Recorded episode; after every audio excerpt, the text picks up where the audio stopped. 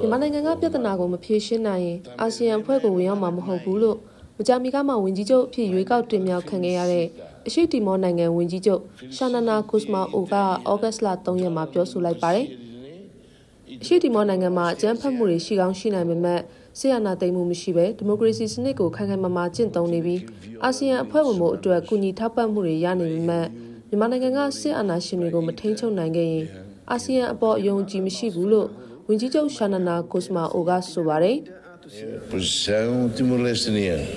Hanessa mo. အာဆီယံဖွဲ့ဝင်ဖို့အတွက်ကျွန်တော်တို့ကိုကူညီထောက်ပံ့မှုတွေရနေပေမဲ့မြန်မာနိုင်ငံမှာလူ့ခွင့်ရေးနဲ့ဒီမိုကရေစီချိုးဖောက်မှုတွေရှိနေသေးတာကိုလည်းတွေ့နေရပါတယ်။အဲဒါကြောင့်အရှိတီမောဟာကုလသမဂ္ဂရဲ့သဘောတူညီချက်အတိုင်းမပြောင်းမလဲရပ်တည်နေမှာဖြစ်ပါတယ်။အာဆီယံအဖွဲ့ဝင်ပြည်ဘယ်ချိန်မှာပါဝင်လို့ရမလဲကျွန်တော်တို့ကြည့်ပါမယ်။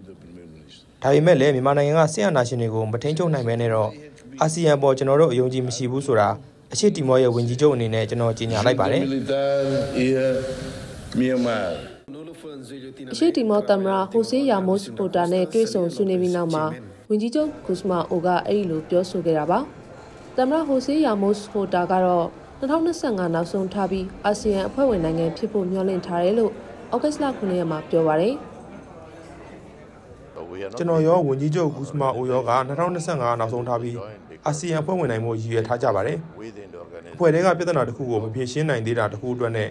ကျွန်တော်တို့ကအာဆီယံကိုကြောက်ခိုင်းလိုက်မှာမဟုတ်သလိုအဖွဲ့ဝင်မှုလည်းညှင်းဆန်မှာမဟုတ်ပါဘူးအာဆီယံအဖွဲ့ဝင်နိုင်ငံဖြစ်လာရေးအတွက်ဆယ်စုနှစ်တစ်ခုမကကြာအောင်အရှိတီမောကတောင်းဆိုလာခဲ့ပြီးနောက်မှာအဖွဲ့ဝင်အဖြစ်လက်ခံမှုပြီးခဲ့တဲ့နှစ်အတွင်းမှာအာဆီယံကသဘောတူခဲ့တာပါအဖွဲ့ဝင်မြန်မာနိုင်ငံက